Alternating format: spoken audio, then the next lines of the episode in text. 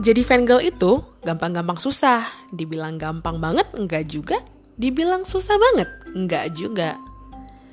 Oke, itu adalah 10 detik paling palsu dalam hidupku ya weh Karena aku gak kayak gitu ngomongnya weh Sumpah, gak kayak gitu isi konten podcast aku ini Jadi di podcast aku ini aku cerita Kayak mana lah struggling aku jadi fangirl ini weh Banyaknya duit aku yang habis peningnya aku fan war kayak mana aku gak dapat pengalaman cinta karena terlalu mencintai bias di sini semua weh jadi aku semuanya nggak ada lah di edit edit karena memang aku juga nggak pandai ngedit di podcast ini kan?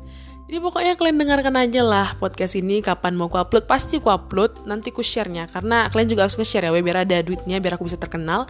Dan aku masih bisa uh, ngasih makan biasaku jadi kalian dengar aja biar yang butuh ketawa ketawa ketawa aja lah hidup ini. Oke okay? be nice guys. Bye